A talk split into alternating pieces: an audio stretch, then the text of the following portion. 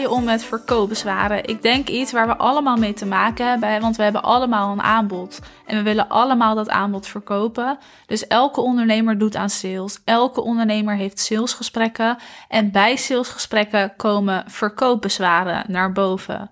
Althans, in het meeste gevallen. Wat ik met je wil bespreken is hoe je om kan gaan met verkoopbezwaren, maar vooral ook hoe ver wil je gaan. Je mag van mij verkoopbezwaren echt zien als een verkoopsignaal. Want iemand heeft alleen een bezwaar omdat iemand eigenlijk wel wil, maar dus nog ergens een soort van weerstand voelt. Dus zie dat bezwaar niet echt als een bezwaar en alsof iemand wil niet, maar iemand wil wel, alleen ja, er is nog ergens een beetje weerstand. Iemand is nog niet overtuigd genoeg en jij bent de aangewezen persoon om diegene daar dan mee te helpen. Nou hoor ik heel vaak van ondernemers, ik wil eigenlijk mijn aanbod liever niet doen tijdens een gesprek of ik wil niet te verkoperig zijn. Nou, als je dat denkt, stap daar alsjeblieft meteen van af, want dat is echt onzin. Als ondernemer moet je verkopen en dus zul je verkoperig moeten zijn. Maar je kan beter nagaan, als jij je aanbod niet doet tijdens een gesprek, gaat iemand nooit kopen. Want mensen zijn gewoon niet bezig met jou en jouw bedrijf en jouw aanbod. En mensen zijn bezig met zichzelf. Jij bent bezig met jouw bedrijf elke dag, dag in, dag uit, maar een ander niet. Dus een ander weet niet wat jij te bieden hebt. En dat moet jij vertellen om de ander daar bewust van te maken. En als jij dat niet doet, gaat iemand nooit kopen, omdat iemand het simpelweg niet weet. Sterker nog, als jij het dus wel vertelt, dan kan iemand gewoon zelf bepalen: is het passend ja of nee? Want je mag altijd openstaan voor een nee. Hè? Je aanbod doen betekent niet dat je een ja moet krijgen. Je kan zelfs van die nee's vaak nog veel meer leren dan van de ja's die je krijgt. Maar daar zal ik het zo nog even over hebben. Maar verkoperig zijn moet. Heel simpel. Stap ervan af. Ga ermee oefenen. Ga ermee aan de slag. Beter gezegd, maak het leuk voor jezelf. Want het is helemaal niet vervelend. Iedereen doet sales. Jij ook. Dus zorg ook gewoon dat je een verkoper wordt. Want dat gaat je echt zoveel helpen. Nou, ik wou het natuurlijk hebben over bezwaren tijdens zo'n gesprek. Je deelt een gesprek op een bepaalde manier in. Je gaat iemand in zo'n gesprek ook een beetje coachen, zodat mensen vast wel kunnen proeven van hoe het is om met jou samen te werken. In zo'n gesprek ga jij natuurlijk laten zien wat jij in je hebt. Je gaat heel veel vragen stellen. Nou, je opent een gesprek op een bepaalde manier. Dus er zit een volgorde in hoe je zo'n gesprek kan voeren. En vervolgens wil je natuurlijk een keer je aanbod doen.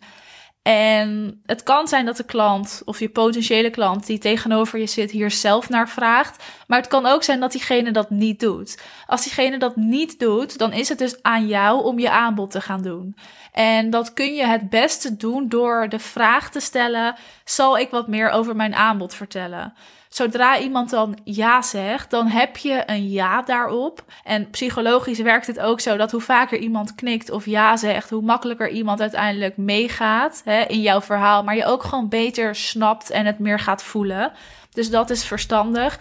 En door het te vragen, ja, overleg je eigenlijk iets. Dus je gooit niet zomaar je aanbod erin. Nee, je overlegt, hey, lijkt het je interessant? Want ik denk dat het heel passend is. Zal ik er wat meer over vertellen? En dan kan de ander dus ja zeggen. En als degene echt bij voorbaat al weet, nee, dat wil ik sowieso niet. Nou ja, dan mag je jezelf sowieso afvragen waarom iemand natuurlijk in een gesprek zit. Dus dan is er, nou ja, bij die kwalificatie, bij het filteren al iets misgegaan. Maar goed, iemand kan dan nee zeggen en dat is ook oké. Dan ga je daar misschien naar vragen van, hey, mag ik dan vragen waarom we wel in dit gesprek zitten? Ik denk niet dat iemand snel nee zou zeggen, want het feit dat ze met jou in een gesprek zitten betekent dat ze interesse hebben in wat jij doet, in jouw aanbod, in jouw expertise. Dus ze hebben iets nodig wat jij weet. Daarom zitten ze in dat gesprek. Maar een vraag stellen, een hele open vraag stellen, dat helpt om ook dat proces na die vraag, dus eigenlijk tijdens het doen van je aanbod, soepeler te laten verlopen. Dus stel altijd die vraag. Als iemand dan ja zegt, dan ga je natuurlijk je aanbod doen. En over je aanbod doen in zo'n gesprek ga ik misschien nog wel even een andere podcast opnemen. Want wat je natuurlijk wil, is dat je niet hard je aanbod doet. En dat je niet zegt, nou, dit is wat we gaan doen, dit is wat je gaat leren en dit is wat je krijgt. Dat is veel te concreet. Nee, je wilt het even terugkoppelen naar iemand zijn verlangens en naar de pijn die iemand heeft. En die je in het gesprek eigenlijk al besproken hebt. Dat is natuurlijk weer de opbouw van je gesprek. En vanuit daar ga je je aanbod doen. Dus je wilt elke keer terugkoppelen, zodat iemand ook begrijpt en snapt waarom jouw aanbod passend is. En dat doe je dus niet omdat je iemand wil pushen naar die sale, maar omdat jij wil dat jij iemand op de beste manier kan gaan helpen.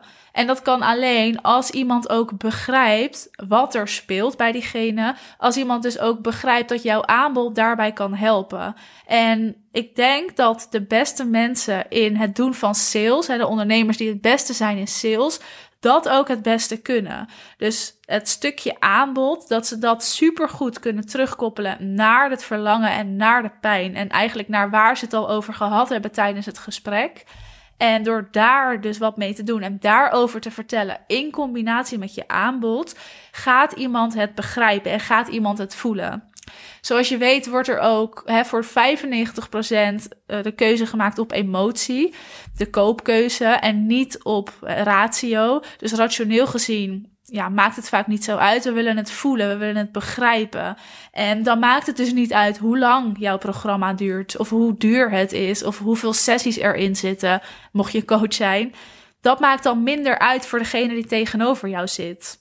Het maakt veel meer uit dat iemand voelt dat het kloppend is. Dat iemand voelt dat jij diegene verder kan helpen. Als je dan je aanbod hebt gedaan, dan kunnen er dus bezwaren op tafel komen. En er zijn een aantal standaard bezwaren.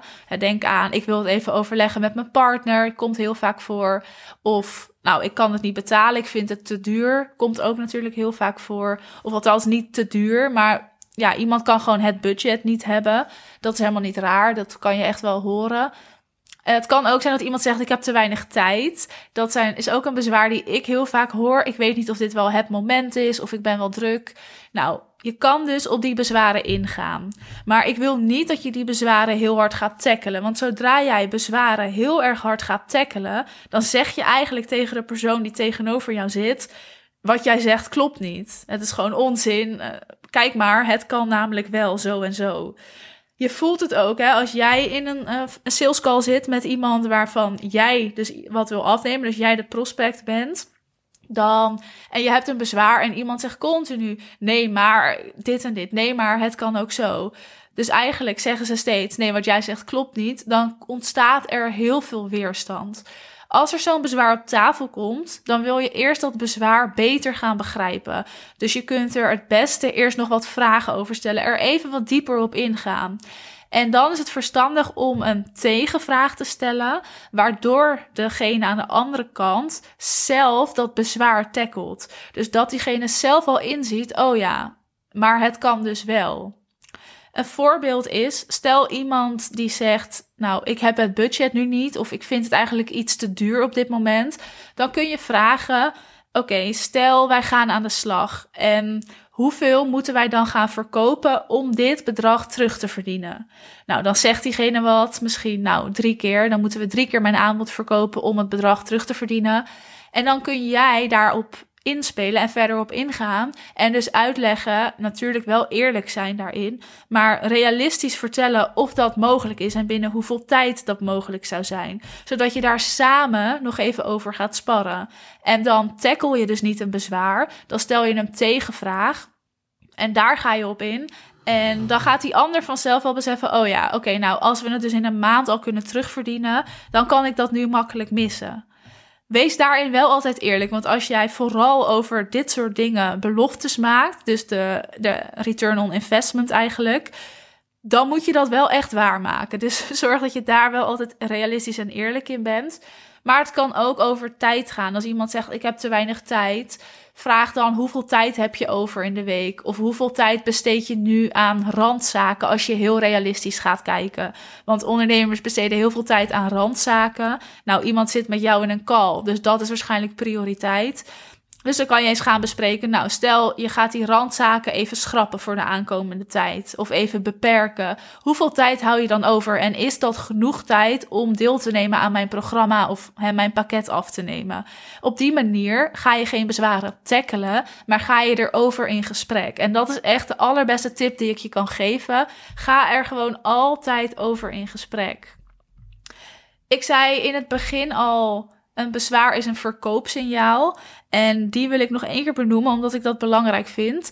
En dat heel effectief is als je dat ook gaat beseffen. Een bezwaar die heeft iemand alleen als diegene twijfelt over jouw aanbod. Als iemand niet twijfelt, dan zegt diegene heel hard nee. En vaak voel je het ook wel. Moet ik wel zeggen, we vinden het soms lastig om nee te zeggen. Dus dan gaan we bezwaren op tafel gooien die er misschien niet zijn, maar gewoon om maar nog geen nee te hoeven zeggen.